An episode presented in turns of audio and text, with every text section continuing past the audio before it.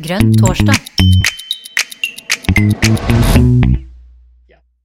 Velkommen til eh, Grønn torsdag. Det er eh, torsdag og tid for prinsipprogram.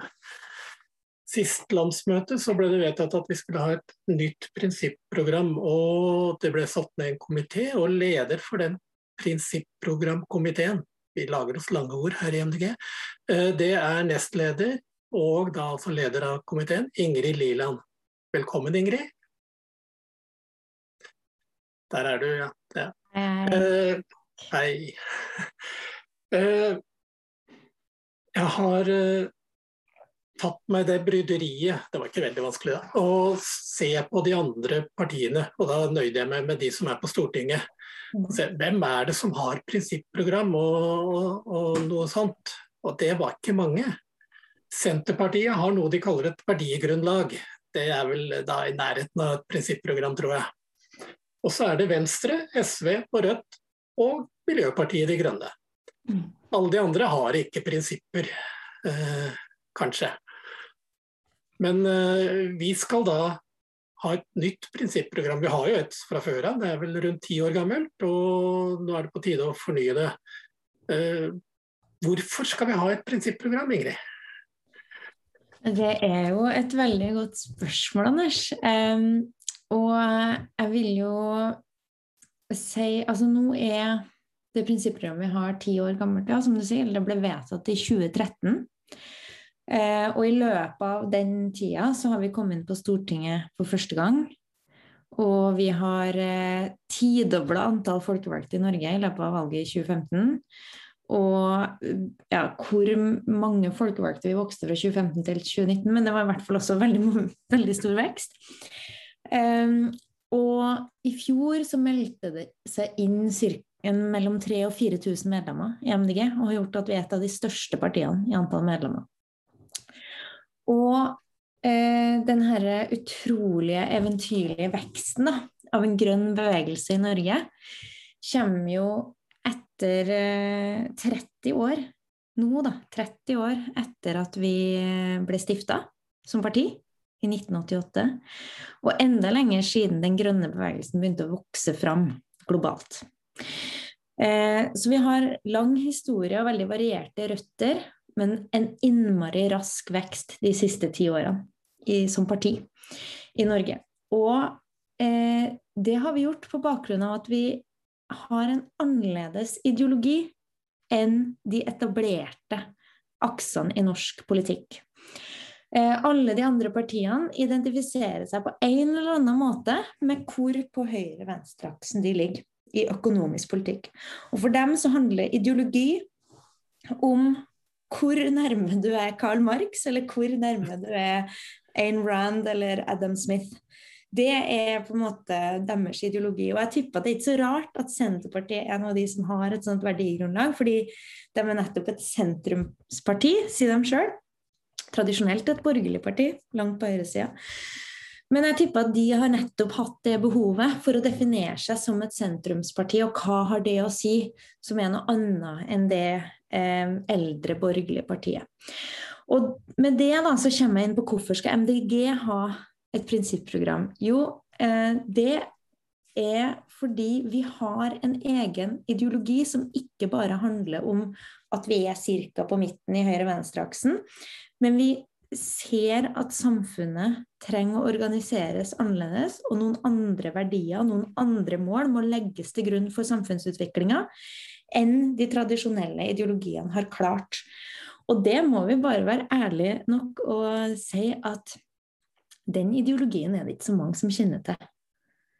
Så den er det lurt at vi både blir litt mer kjent med sjøl, at vi oppdaterer den til nye tider. Viser at den nytenkinga som grønn ideologi står for, den er desto viktigere nå når vi møter ressurskrisa, energikrisa, en mer ustabil verden enn noen gang. Eh, og at folk som kanskje eh, Hva skal jeg si? Lett blir eh, møtt av ledere som har lyst til å selge dem enkle, lettvinte løsninger på vanskelige problemer. Så det var et langt svar på hvorfor vi må ha et prinsipprogram, eh, Anders. Ja, og det, det, leder meg fram til eh, det jeg glemte å gjøre i stad.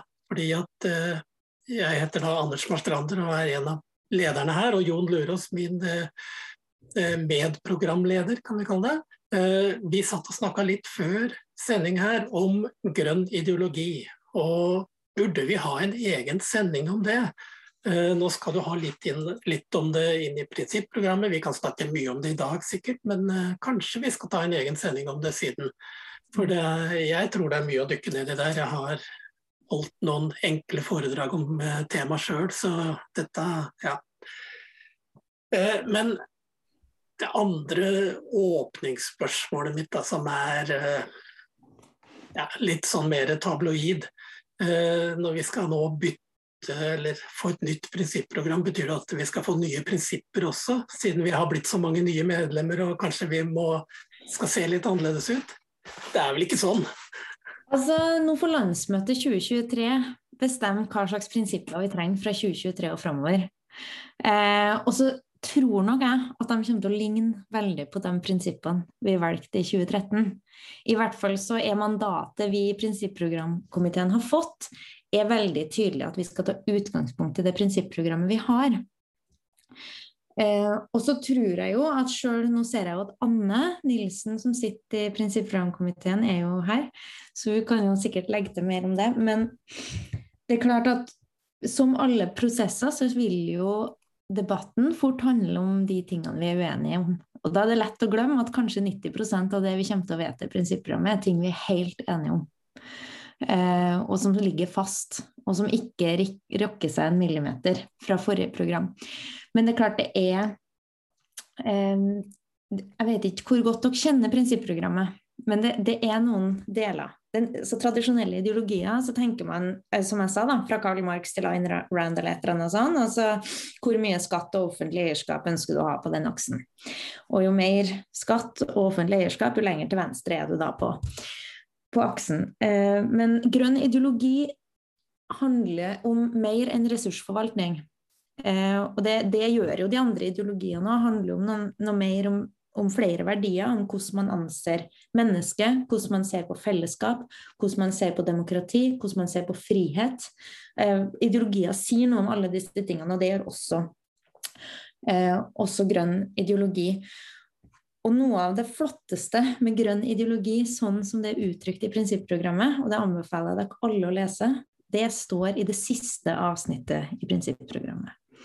I det avsnittet så står det at Miljøpartiet De Grønne eh, baserer seg på beste tilgjengelige kunnskap og er ydmyk for at vi ikke har alle svar i dag, og at det kan hende at vi kommer til å måtte skifte standpunkt. Og det er noe av det flotteste med grønn ideologi, og noe av det artigste med å drive politikkutvikling i vårt parti, i stedet for i de alle andre partiene, er at vi har iboende i vår ideologi en ydmykhet for at ikke alle svar er gitt bare fordi at vi har bestemt oss for noen prinsipper. Så for å svare på spørsmålet ditt, Anders, jeg tror ikke vi kommer til å bytte ut flertallet av våre prinsipper på neste landsmøte. Men det skal ligge i den grønne naturen og kulturen at vi bytter ut de prinsippene som trengs å oppdateres. Mm. Da jeg lurer på én ting til, og så slipper jeg jo til andre folk også, så det er bare å rekke opp hånda her, eh, folkens. Eh, det for det jeg har tenkt da, eh, rundt eh, et prinsipprogram, er at det må være viktig for Vi har et valgprogram som vi valg, har gått til valg til eh, i fjor, til Stortinget. Og vi har kommuneprogrammer og fylkesprogrammer osv. Men det er, det er begrensa hva vi klarer å få inn der, for da måtte vi skrive sånne leksikon, gamle leksikonbind. Så der vi ikke har ting skrevet i, i programmet, er det da vi skal gå til prinsipprogrammet og se ja, hva skal jeg egentlig mene om dette, hva sier prinsipprogrammet om uh, Og så kan det hende at du må bryte et prinsipp for å tilfredsstille et annet. Uh, hvor vanskelig er det å bruke et prinsipprogram på den måten? Eller hvor lett? Jeg tror alle vi som sitter i programkomiteen nå, og alle jeg snakker om det her, ønsker å formulere et prinsipprogram som gir oss et så godt som mulig grønt kompass som vi kan bruke. Men også grønn ideologi er full av selvmotsigelse.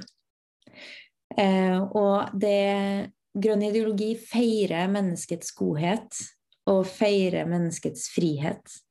Samtidig som den anerkjenner at menneskets kortsiktighet og tilsynelatende egoisme ofte må eh, stagges for å ta vare på både medmenneske og natur.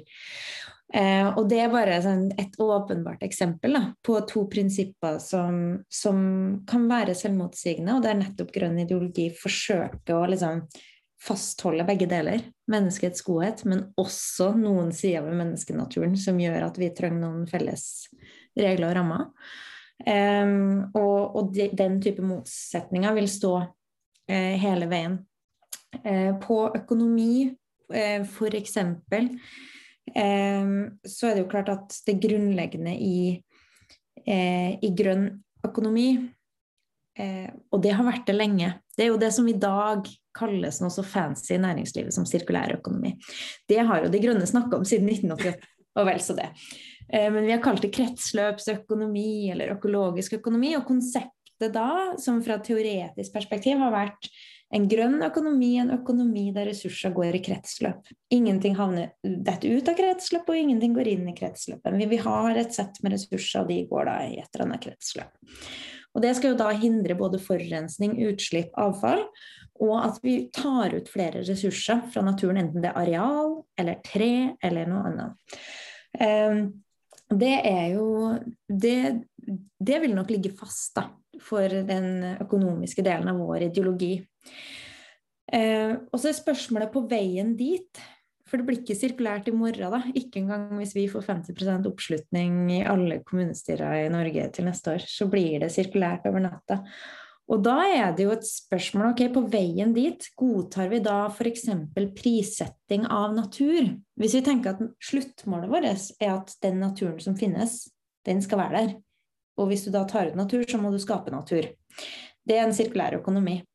Men på veien dit, som vil ta lang tid, skal vi da prise inn natur og sette pris på f.eks. areal for, å, for at um, Vegvesenet skal finne ut at det ikke er samfunnsøkonomisk lønnsomt å bygge hvilken som helst vei eh, på matjord og natur og på Lågendeltaet i det hele tatt. Um, det er jo sånne dilemmaer som, som prinsipprogrammet uh, kanskje ikke vil Det vil ikke alltid gi realpolitiske svar på hvordan vi skaper endring her og nå, men det vil si noe om hvilken retning ønsker vi at samfunnet skal bevege seg i. Hva er vår Ehm, hva er vår visjon? Og det er Så ja, vi ønsker å lage et godt kompass, men politikk er menneskelig, og politikk handler om menneskelig skjønn eh, og tillit i en bevegelig verden. Og så vi skal ta med oss kompasset, men vi skal stole på vår, vår egen dømmekraft som politikere også. Eh, og så har jeg bare lyst til å si, før vi slipper ordet løst, eh, Anders eh, Jeg sendte ut en mail i går til alle tillitsvalgte og eh, folkevalgte. Og så Jeg har akkurat lært meg å bruke den mailfunksjonen, så jeg er litt usikker på om den kom fram til alle jeg tenkte. Men der har vi utlyst en konkurranse. Fordi det vi er helt sikre på i prinsippprogramkomiteen, er at det vi kan bli mye bedre på eh, ideologisk, er å beskrive visjonen av det fremtidige grønne samfunnet som vi har lyst til å skape, hvis vi fikk bestemme. Hvordan ser det samfunnet ut? Hvordan ser jobben vår ut? Hvordan ser nabolaget ut? Hva står i butikkhyllene da? Hva slags teknologi omgir oss vi med? Hvordan lever vi med naturen eller mot naturen? Hvordan tenker vi å handle for både for de som bor på andre sida av jorda, og de som bor rett ved siden av oss? Akkurat det tror jeg at vi som eh, det er veldig lett å si hva er visjonen til en kommunistisk ideologi. Jo, det er Eh, alt er statlig eid, og de har bare glupe ledere som gjør at alt som er statlig eid, blir drifta helt perfekt, så de trenger ingen privat eiendomsrett. Fordi, ja, altså, da, da må alle de lederne være veldig gode. Det er en slags kommunistisk versjon. Alle har det de trenger. um, så, men hva er den grønne? Er det, er det hyperloop mellom Trondheim og Paris? Er det en del av den grønne visjonen, eller er det at man ikke trenger å drive med lønnsarbeid for å få anerkjennelse som verdig, eller se på seg sjøl som at man har et verdig liv? Vi tror at vi, vi, trenger å samarbeide litt. Så vi har en konkurranse. Hvem kan male, skrive, synge, snekre sammen det beste bildet av det gode, grønne samfunnet? Det er en konkurranse som vi nå kjører fram til 1.10. Og det kan være hva som helst i alle slags former og formater, og vi skal samle alle bidrag. Man kan tenke at man sender den inn til lokalavisa, eller man kan tenke at uh, det er en undrende tekst, eller det kan være et visuelt bilde, det kan fysisk eller digitalt. Alt er lov. Og så skal vi gi ut en bok om grønn ideologi også. Det er ikke prinsipprogrammet, så det skal ikke vedtas. Eh, og vi tenker at de eh, Vi håper vi får inn noen bidrag som vi kan ha med i den boka. Enten det er i form av bilde eller tekst. Så jeg hadde lyst til å utlyse konkurransen her også. Mm. Det, det, nå, du eh, gjorde ting veldig enkelt for meg, for nå svarte du på det neste jeg hadde tenkt å spørre om. for jeg hadde tenkt å nevne den uh, konkurransen der med, med, Og jeg har faktisk uh, noe liggende og surre her inne som jeg har tenkt å levere inn et lite bidrag. Mm. Så på. Ja, vær så god. Jeg har tenkt litt, eh, Anders. Mm. Jeg har jo opplevd 70-tallet eh, og diverse, og jeg, jeg, har jo tenkt at uh, grønn politikk og ideologi er antivekst. Men uh, jeg har jo skjønt at uh, jeg, det er ikke alle som deler den oppfatningen. Det finnes jo noen som introduserer begrepet grønn vekst. da. Og da må jeg jo innrømme at da tenker jo jeg at da er vel de opphengt i den uh, i det økonomiske systemet vi har i dag, og ikke prøver å se alternativt på det. Det er kanskje litt uh, frekt å si det sånn, men i hvert fall, jeg har tenkt litt på det. Så uh, jeg skal i hvert fall ta meg en tur til Smultringfestivalen i Tønsberg for å kanskje lære enda mer om da det som da ikke er eh, grønn vekst. da. Jeg vet ikke hva du tenker, Ingrid, rundt eh, eh, hvor sterkt er vekst, ikke-vekst, inni, inn, inni, det greiene her?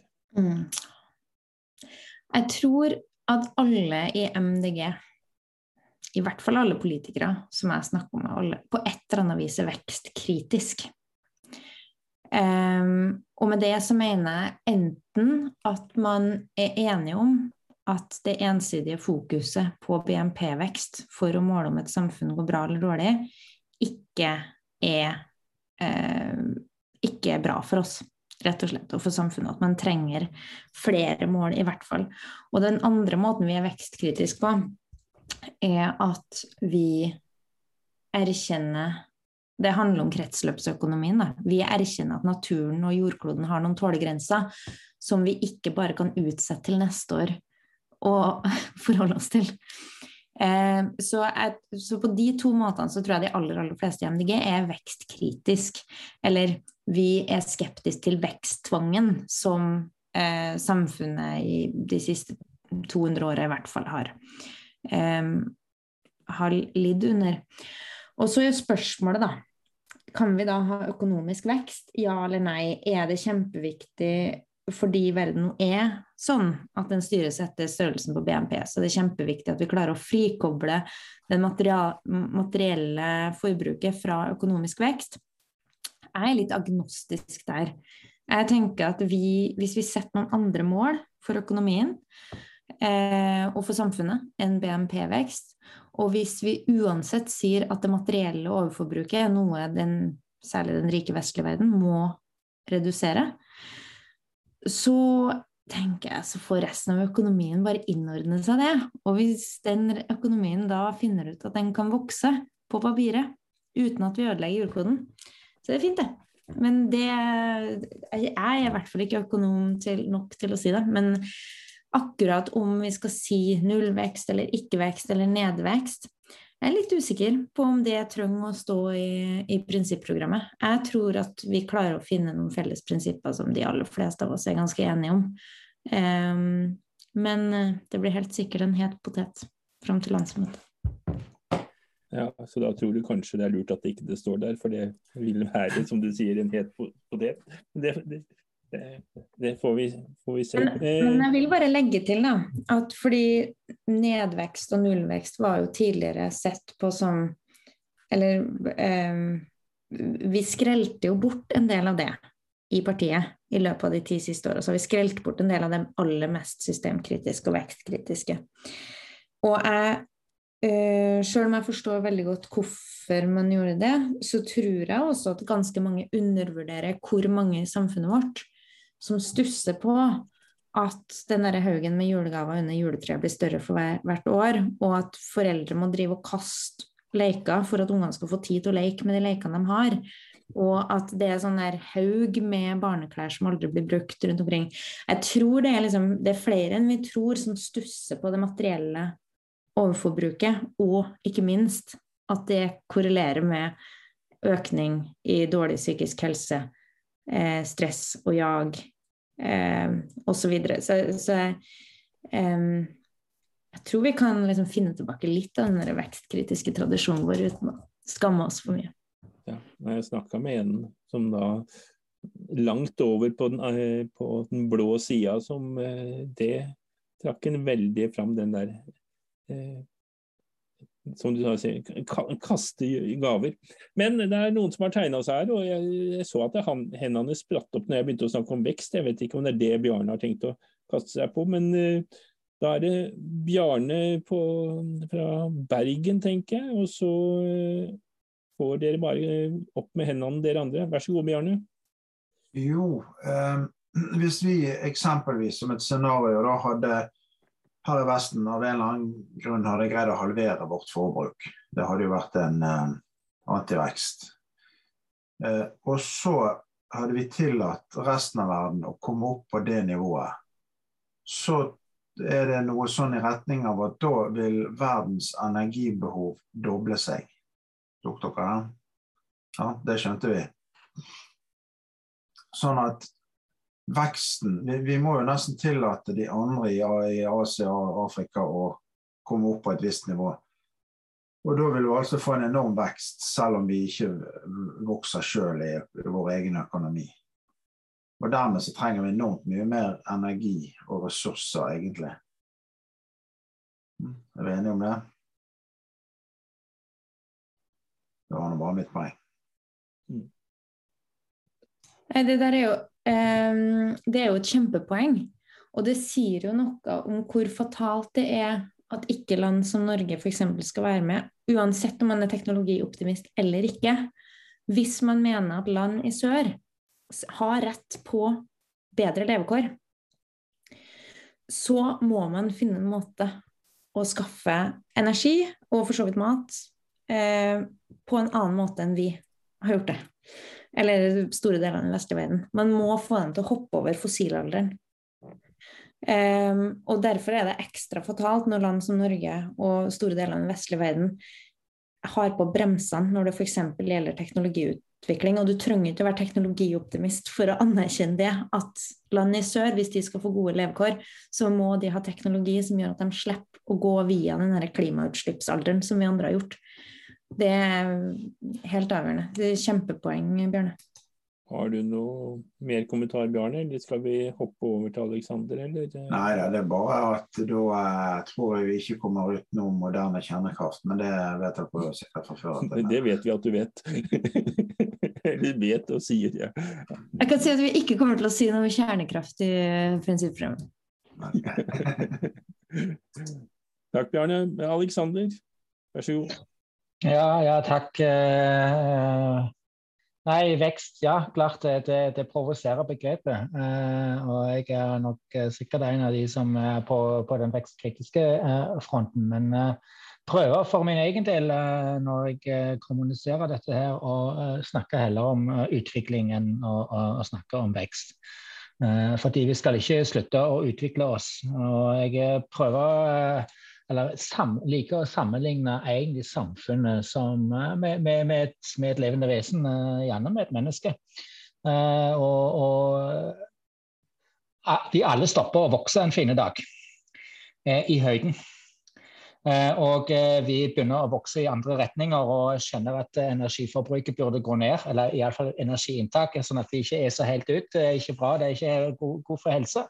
Samtidig er det da sånn at dette her veldig ofte går eh, hånd i hånd med, med et uh, ja, oppkommende behov for kanskje åndelig utvikling uh, og, og, utvikling uh, på på kunnskapssida. Eh, lære noe mer, livslang læring, slike tanker.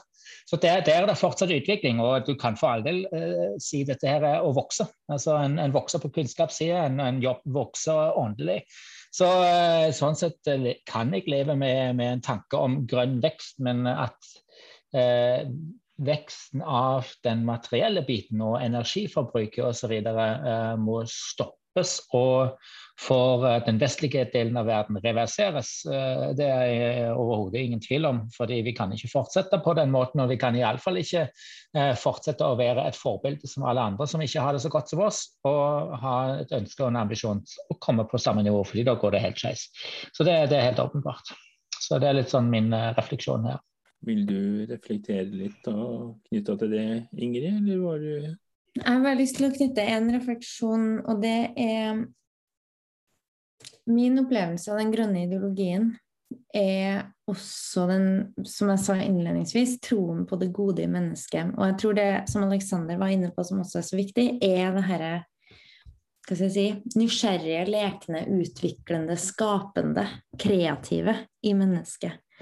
Eh, og det er Jeg, jeg syns bare det var et kjempeviktig poeng for Aleksander at uansett hvor vi lander på nullvekst eller nedvekst eller ditt og datt, så tror jeg at vekstkritikken vil komme fram på et eller annet vis, men at vi samtidig framelsker det derre skapende mennesket, og, og, at det at vi ønsker og er i stand til å, å skape lek og moro og livskvalitet for hverandre og oss sjøl i livet, eh, tror jeg er er bare kjempeartig. Og um, om det er hyperloop eller om det er revy på Råkvågen, det er liksom samme det.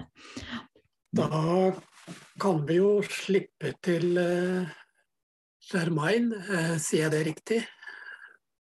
Og så har jeg et par betraktninger etterpå. Ja, god, god kveld, Germain her. Ja, om, om den debatten om vekst. Slik jeg forstår det i den grønne ideologien, Uh, vekst kommer i andre rekkefølge. Jeg mener med det at uh, det er litt som Ingrid sa akkurat nå, da. Livskvalitet uh, og en bedre livskvalitet er målet, og vekst og økonomi generelt er bare et verktøy til å oppnå noe bedre i dette feltet der. Og sånn sett må det være en form for kontrollert vekst innenfor eh, naturs eh, og sosiale eh, tålegrenser. Men ja, om det skal være nullvekst eller skal være litt vekst I hvert fall det, det som skiller oss fra en økonomisk liberalisme, det, det er at vi legger vekk vekst etter livskvalitet. Det er ikke vekst som fører til livskvalitet. Det er vi, vi vil frem vi vil først livskvalitet, og for det kanskje må vi bruke vekst, eller ikke. Tusen takk, Ingrid. Har du noe å tilføye? Nei, jeg syns det var veldig godt oppsummert. Og så eh, vil jeg bare si dra på Smultringfestivalen, alle som har mulighet. Jeg får dessverre ikke til det, men jeg skulle også gjerne vært der. Eh, og også les Donut Economics, f.eks. Eh, som er en, en, god bok som oppsummerer smultringøkonomien. Og så bare sånn, for ordens skyld, jeg tror ikke vi vinner noen velgere på å gå rundt og snakke om smultringøkonomien eller sirkulærøkonomien for den saks skyld. Eller vekst eller oppvekst eller nedvekst eller hva som helst. Men, uh, eller oppvekst, kanskje. Men uh, samme det. Uh, det men det som er lurt for oss er å liksom huske at selv om vi ikke vinner valg på ideologi, så er det nyttig for oss å ha noen enkle symbolsaker som oppsummerer hva vi vil, som er annerledes enn de andre. Det er viktig at folk forstår hvor vår motivasjon kommer fra.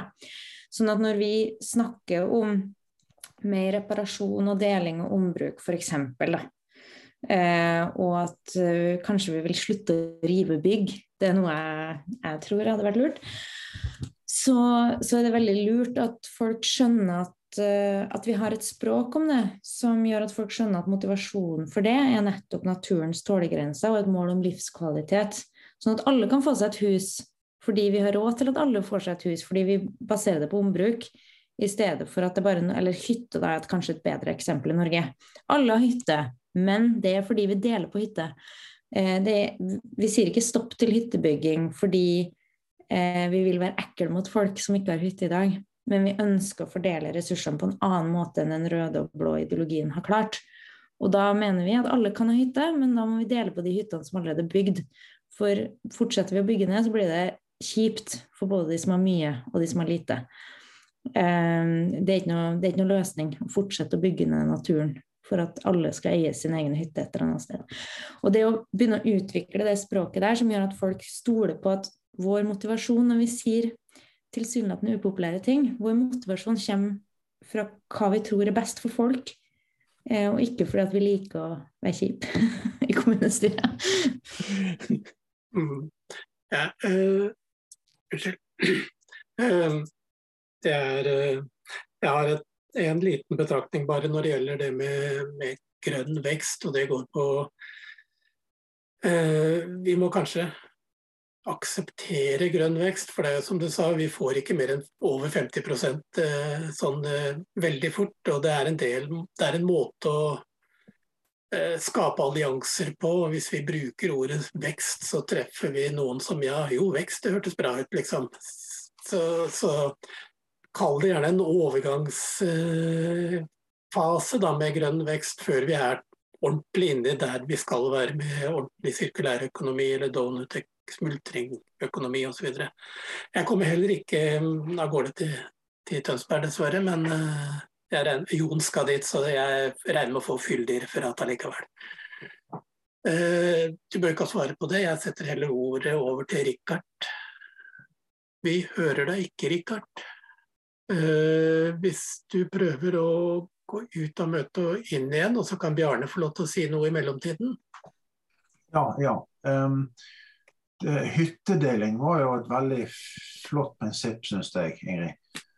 Um, jeg, jeg bare nevner som liten sånn avisartikkel. Jeg prøvde jo meg med en sånn jeg kalte det en metadebatt. Det kan jo like gjerne kalles en, prinsipp, en prinsippdebatt i Naturvernforbundet her på Vestlandet. Så jeg kan, eh, hvis du ønsker, så kan jeg bidra. For jeg har masse tanker om sånn prinsipper og uh, meterpoenger, da. Og så videre og så videre. Uh, så, og så Og en annen ting. Hyperloop.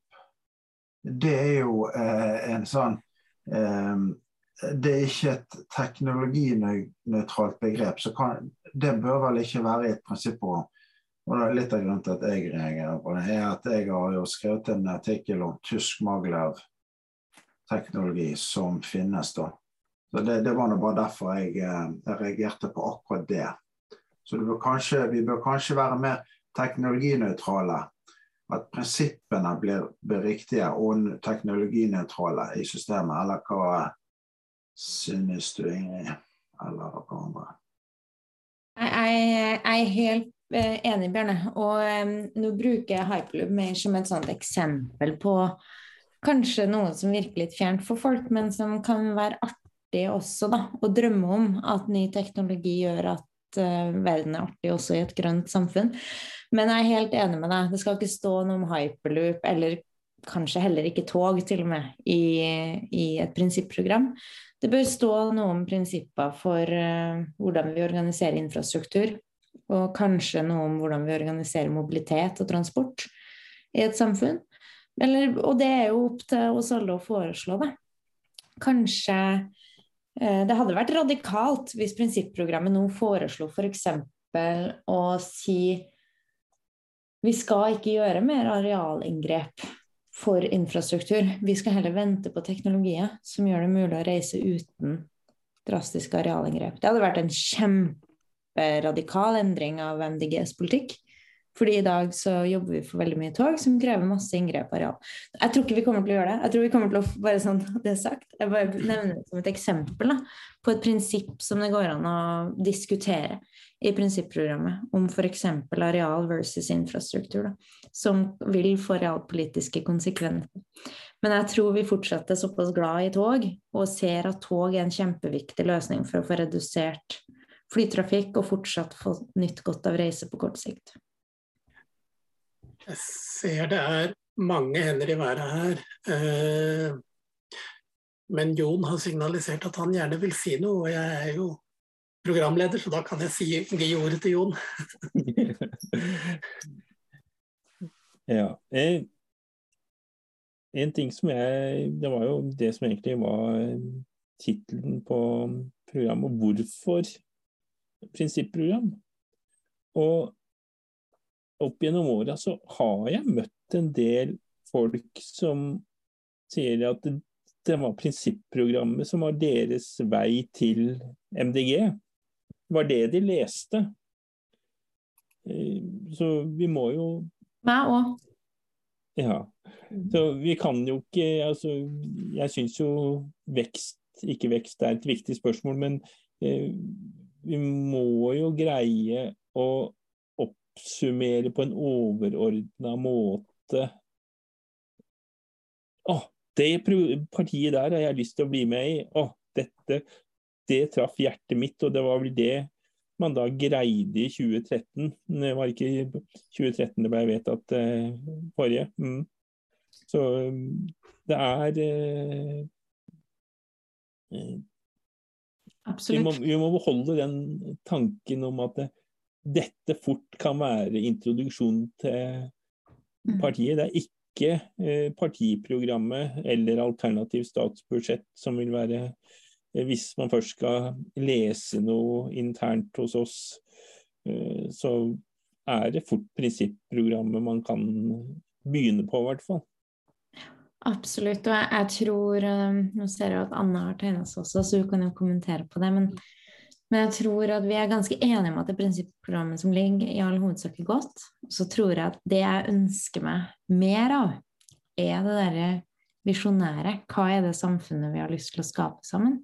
Så der håper jeg at vi alle hjelper til på, på i konkurransen. Eh, og, og, så har jeg i chatten også la, lagt ut to linker. En til program.mdg.no. Jeg, jeg, kan legge der i kommentaren også på Grønn torsdag sin Facebook-side, Bare sånn, så ligger det overalt. Um, for der kan du gå inn på hver enkelt setning, og da kan du liksom gå inn på en setning og si det her syns jeg er inspirerende, eller det her skjønner jeg ikke hva det betyr.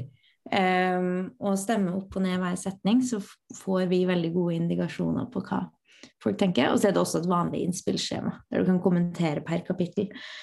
Um, for jeg, jeg tror um, Nei, jeg, jeg, tror det Vi har litt å gå på når det gjelder å formulere noen setninger som vi alle kan gå rundt og gjenta og bli begeistra over. Men bortsett fra det så er jeg veldig enig med Jon at prinsipprogrammet er veldig, er veldig fint. Det kan bare bli bedre. Mm. Ja, det er det lyd i Rikard nå, tror du? Skal du gjøre et nytt forsøk? Så får vi høre om det Kan dere høre meg nå? Ja, nå hører vi ingenting. jo da. Jeg måtte ta på en sånn headset. Så Vær så god. Mm. Nei, jeg bare satt og tenkte litt, Det er veldig mye sånn K. ikke sant? Skal vi bygge hyperloop, skal vi gjøre sånn eller sånn? Og så er det litt sånn hvordan. Altså hvordan skal vi komme der vi vil? Skal vi liksom gå imot økonomisk vekst? Men jeg tenker litt sånn hvorfor eh, vil vi det vi vil? Det tenker jeg gjerne hører til i det prinsipprogrammet.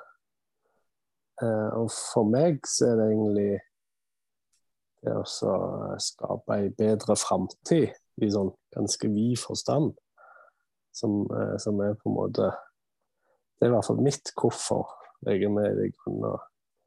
Eh, det som motiverer meg.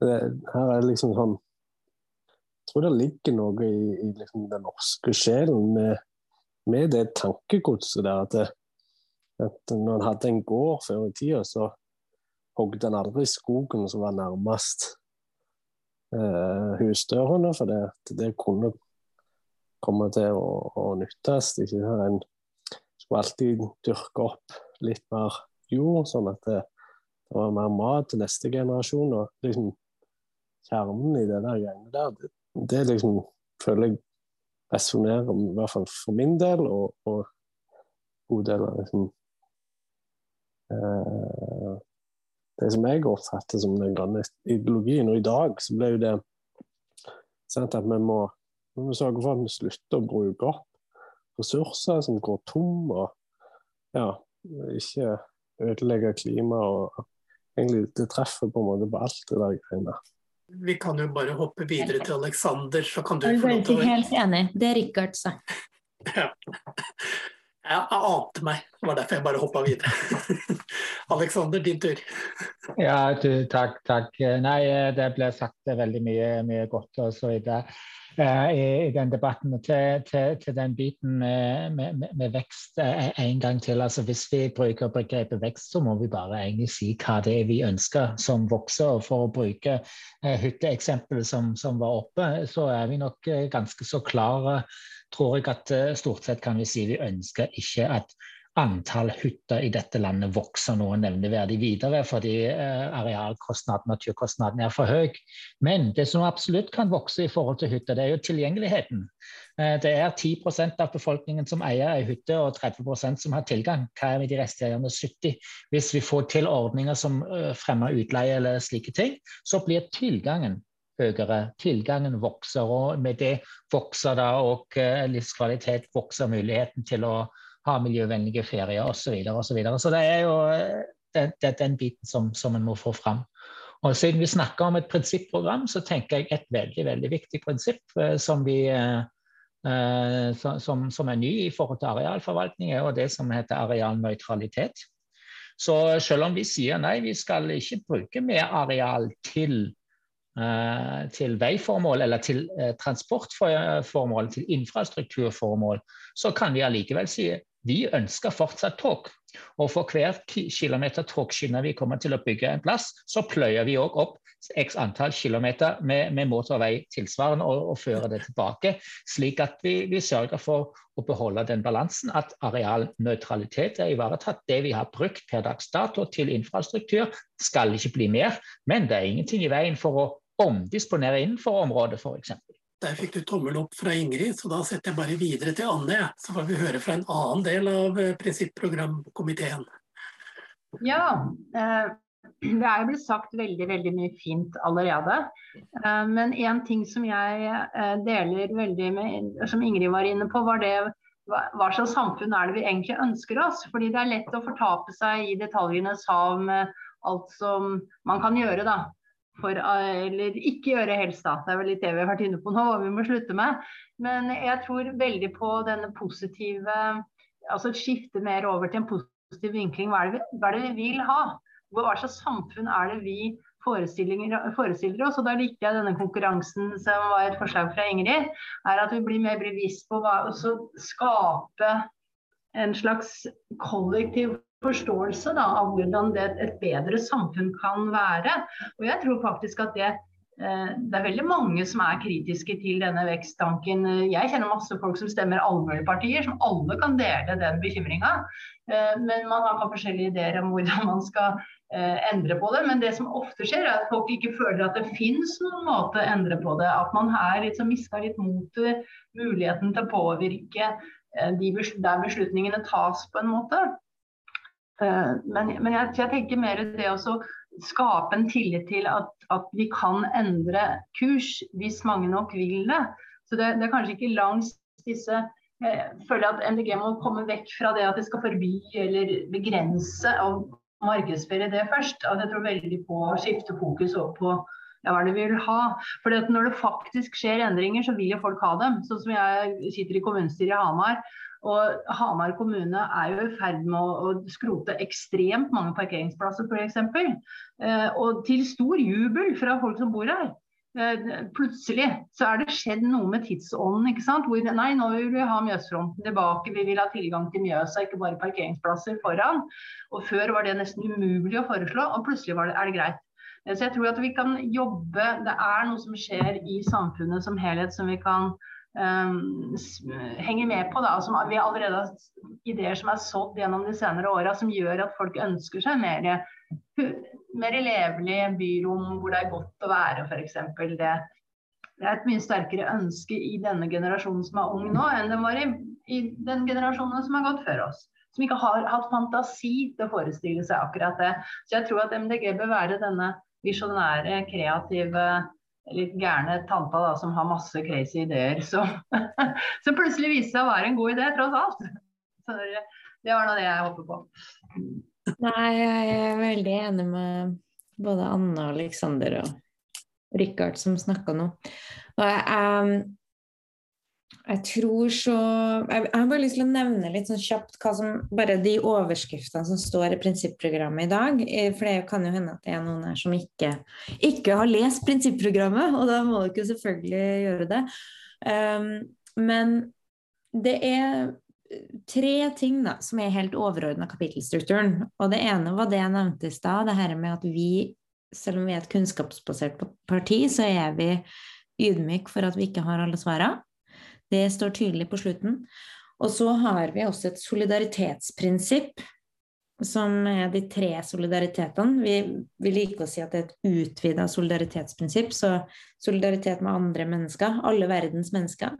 Solidaritet med dyr og natur, og solidaritet med framtidige generasjoner. Og er, de solidaritetene er på en måte gjennomsyrer alle kapitlene i prinsipprogrammet. Og så er den siste er jo vår visjon, et medmenneskelig samfunn i økologisk balanse. Eh, og de, ting, de der ligger nok fast. Det er nok vanskelig å endre på, endre på det, eller det hadde overraska meg. Men så har vi jo da sju kapitler. Vi har økologisk balanse. Det sier noe om vår tilnærming til naturen. Og der vil jeg jo Vi diskuterer jo veldig det her hvordan vi begrunner og Jeg syns at Richard sa det veldig godt da, med at hvis prinsipprogrammet kan si noe om hvorfor, altså si noe om hvor er det vi har lyst til at samfunnet skal gå, være om, i en ideell situasjon, og hvorfor, hva er motivasjonen vår for å mene det vi mener? Jeg syns det var veldig godt sagt av Richard, akkurat det. Det gir veldig mening for meg hvis prinsipprogrammet kan gi den argumentasjonen og tryggheten til oss alle om hvorfor vi mener det vi mener. Og det, og det første handler jo om økologisk balanse. Eh, og der finner du veldig mye av hvorfor vi mener det vi mener i eh, eh, klima eller natur. Hvorfor vi er mot å bygge flere hytter, hvorfor vi ønsker et klimabudsjett, og hvorfor tonn CO2 er viktig for livskvaliteten folk, det, eh, til folk. Det, det finner du der. Og det handler jo, Grunnen til at vi setter naturen litt i en litt annen status enn andre partier, handler om at vi anser mennesket som en del av naturen. En mye mer likeverdig del av naturen enn det veldig mange andre ideologier gjør. I hvert fall høyre- og venstreideologien, som tradisjonelt eh, omtaler ikke naturen egentlig som noe annet enn en ressurs. Og så har jo de også utvikla seg i, i, takt med at kunnskap har oppdatert seg osv. Men, men vi, en, vi kommer inn i den problemstillinga fra en helt annen kant. Og så har vi et kapittel som handler om mangfold. Eh, og det handler om at vi tror at mennesker eh, er forskjellige, skal være forskjellige. Vi har godt av de forskjellene, og vi ønsker at mennesker skal ha frihet til å leve ut de forskjellene og skape seg ganske gode liv. Eh, og der er det en, en sånn balanse mellom eh, frihet, eh, individuell frihet, og fellesskapets tilrettelegging for det mangfoldet. Så har vi et kapittel som heter Et levende demokrati. Det er også et kapittel jeg gleder meg veldig til å snakke om. Demokratiet vårt er kjempebra i Norge, det må vi jo bare si. Det er en historisk og global, unik eh, institusjon og sammensetning av institusjoner. Men det har noen svakheter, og det kan bli utdatert. Så hva er den grønne ideologien sin svar? Hvordan sørge for at makt spres der det er hensiktsmessig? og at makta havner der det er lurt at den havner i ulike typer saker. Hva skal bestemmes av såkalte eksperter, hva skal ikke det? Eh, det er ganske mange spennende diskusjoner. Hvordan sørger vi for at mange forskjellige folk rekrutteres til Stortinget, f.eks.? Jeg har noen tanker om det. Ja, eller eh, lokalpolitikken også. Møtetidspunkter høres jo liksom sånn eh, rart ut at det, at det, betyr noe, men det betyr kjempemye. Ja, det betyr.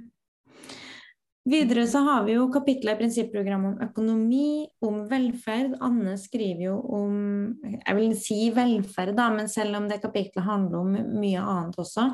Eh, men det handler jo om de her eh, Altså hva er godene som fellesskapet gir oss som individer? Hva er trygg, den tryggheten, det sikkerhetsnettet som vi kan skape som samfunn, som vi ikke klarer å skape alene? Enten det handler om utdanning eller infrastruktur eller hva som helst. Eh, hva er den grønne løsninga på velferd? Hvordan ser et velferdssystem ut i et grønt samfunn? Kanskje litt mer uformell omsorg. Eh, kanskje litt mindre institusjonalisering. Kanskje litt mer lek og frihet på barna. Det er nok diskusjoner vi kommer til å ha. Og så har vi et kapittel om fred. Krig og fred. En aktiv fredspolitikk. Vi tror også vi kommer til å legge inn et kapittel om internasjonalt samarbeid. Så jeg bare nevner det. For det står ikke der i dag, men vi tror at det er litt aktuelt og litt lurt. Eh, og det handler ikke bare om fred. Men hva er et fredsparti i 2022? Hva er et fredsparti i et land um, og i et parti som sender våpen til Ukraina? Det, har, det er en ganske det kan være greit å ha med seg historien der om fredsbevegelsens posisjon internt i partiet, og hvordan det har endra seg veldig. Og vi ønsker å komme i kontakt med fredsbevegelsen. Jeg må bare huske å si det. Så hvis noen kjenner folk i fredsbevegelsen Den var mye synligere da jeg var barn, men det kan hende at det bare pga. at pappa var en del av fredsbevegelsen, så jeg hørte det hele tida. Um, men uh, vi vil gjerne komme i kontakt med den. Siste kapittel, digitale rettigheter, det blir nok også en mer helhetlig tilnærming til den digitale sfæren.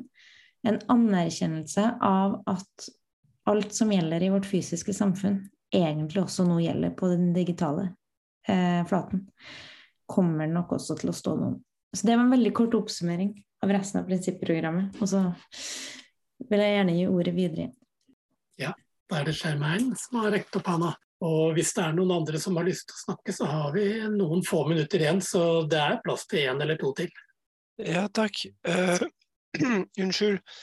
Jeg, kanskje jeg, jeg, klarer ikke å formulere det helt eksakt, men uh, uh, kanskje det som eh, kunne være i tillegg, da, eh, som, som, er en del av livskvalitet etter mitt syn, det er noe om, om, det sosiale, om å skape sosiale relasjoner, sosiale arenaer. Og der har vi ikke formulert noe særlig. Men jeg tror at det er noe viktig å ha med når vi sier at vi, vi vil at folk uh, får mer fritid, vi må også si hva, fritid til hva. Og så ta en tur i naturen er selvfølgelig viktig.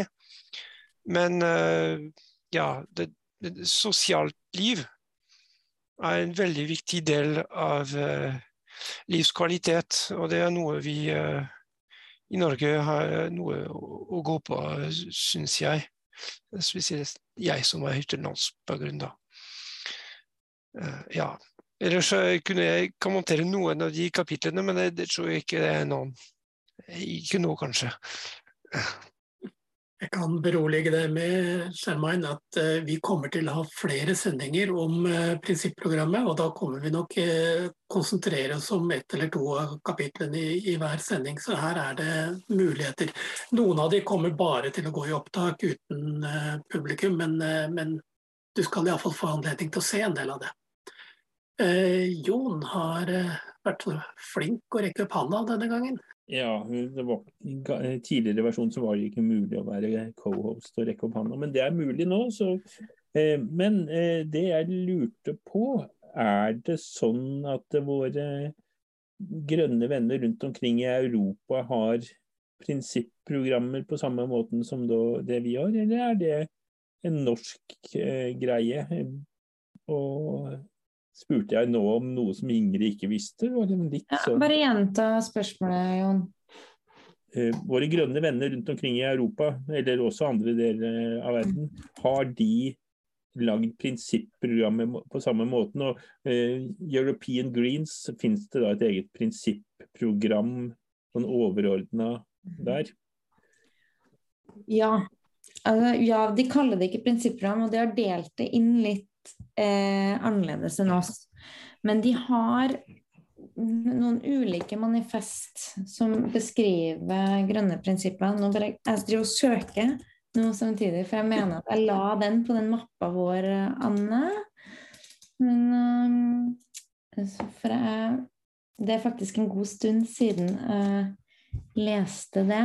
Jeg mener at laget fant den Men i, i hvert fall så er svaret ja, det er det finnes ulike former for det.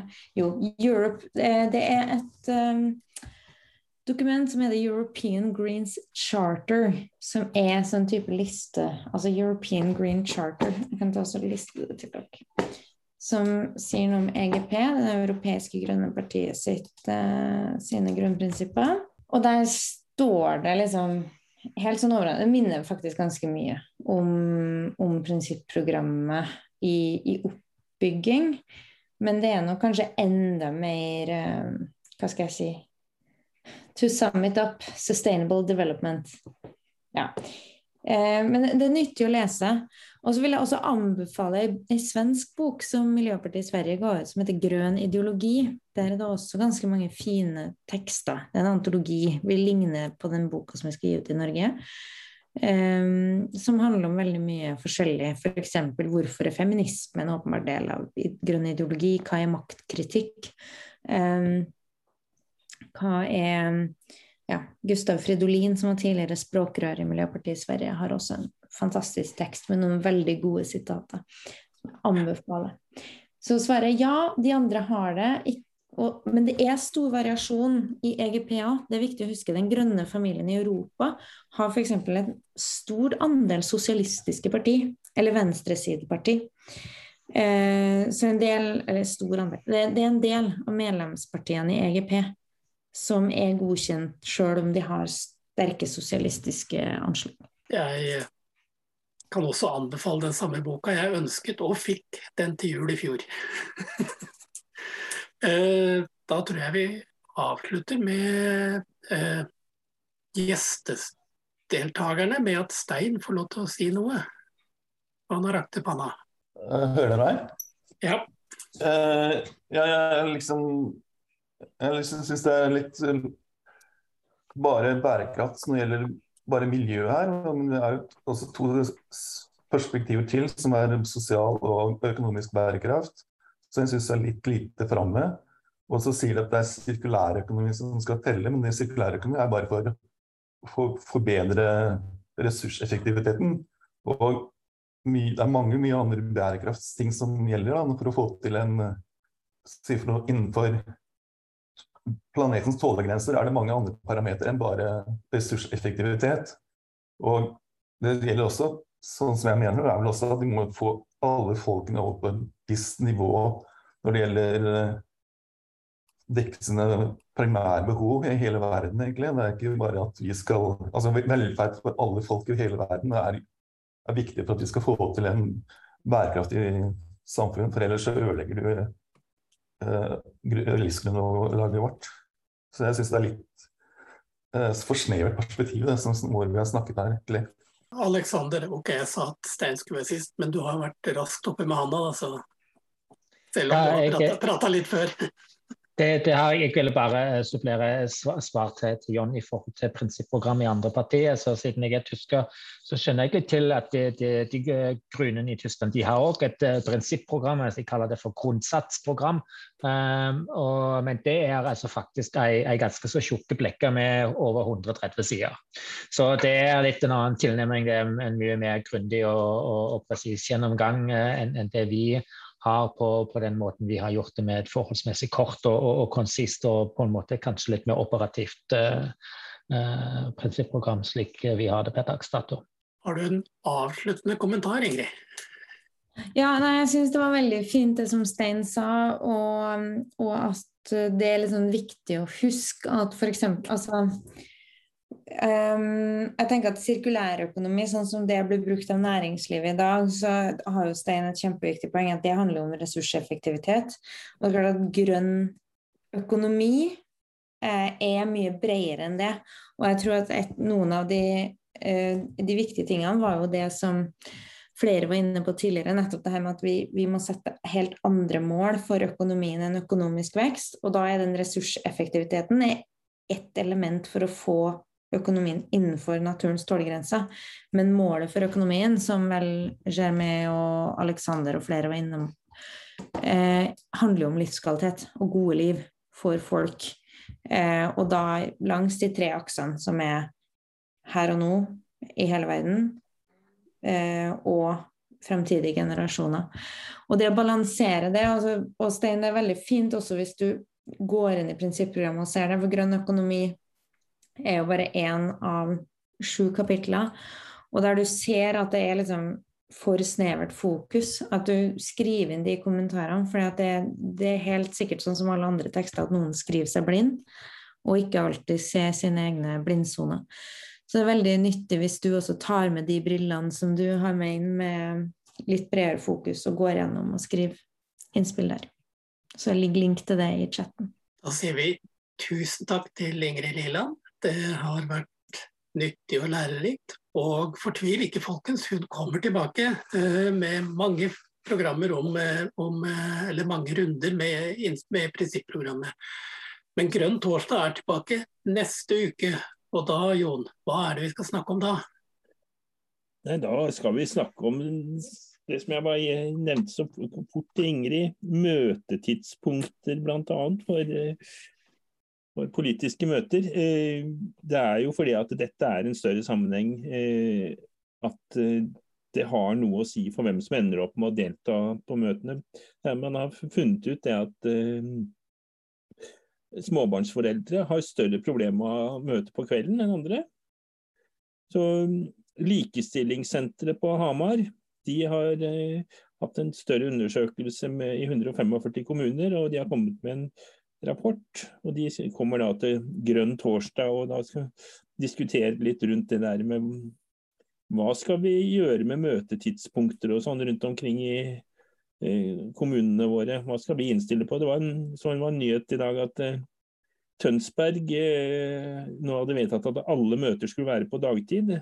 Jeg tror Det virka som MDG, det lokale MDG i hvert fall en av pådriverne der. så eh, det kan jo være interessant for småbarnsforeldre, men da kan jo ikke jeg være med. Jeg har jo en vanlig jobb, så, så det, er, det, er, det, er, ikke et enkelt svar på dette heller. Men vi ønsker jo at flere skal være med, så eh, vi tar debatten neste uke.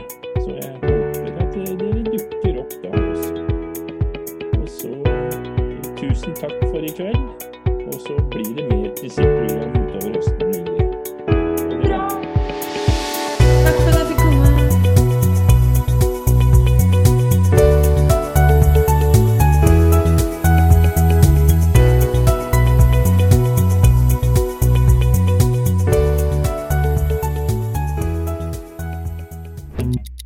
Grønn torsdag.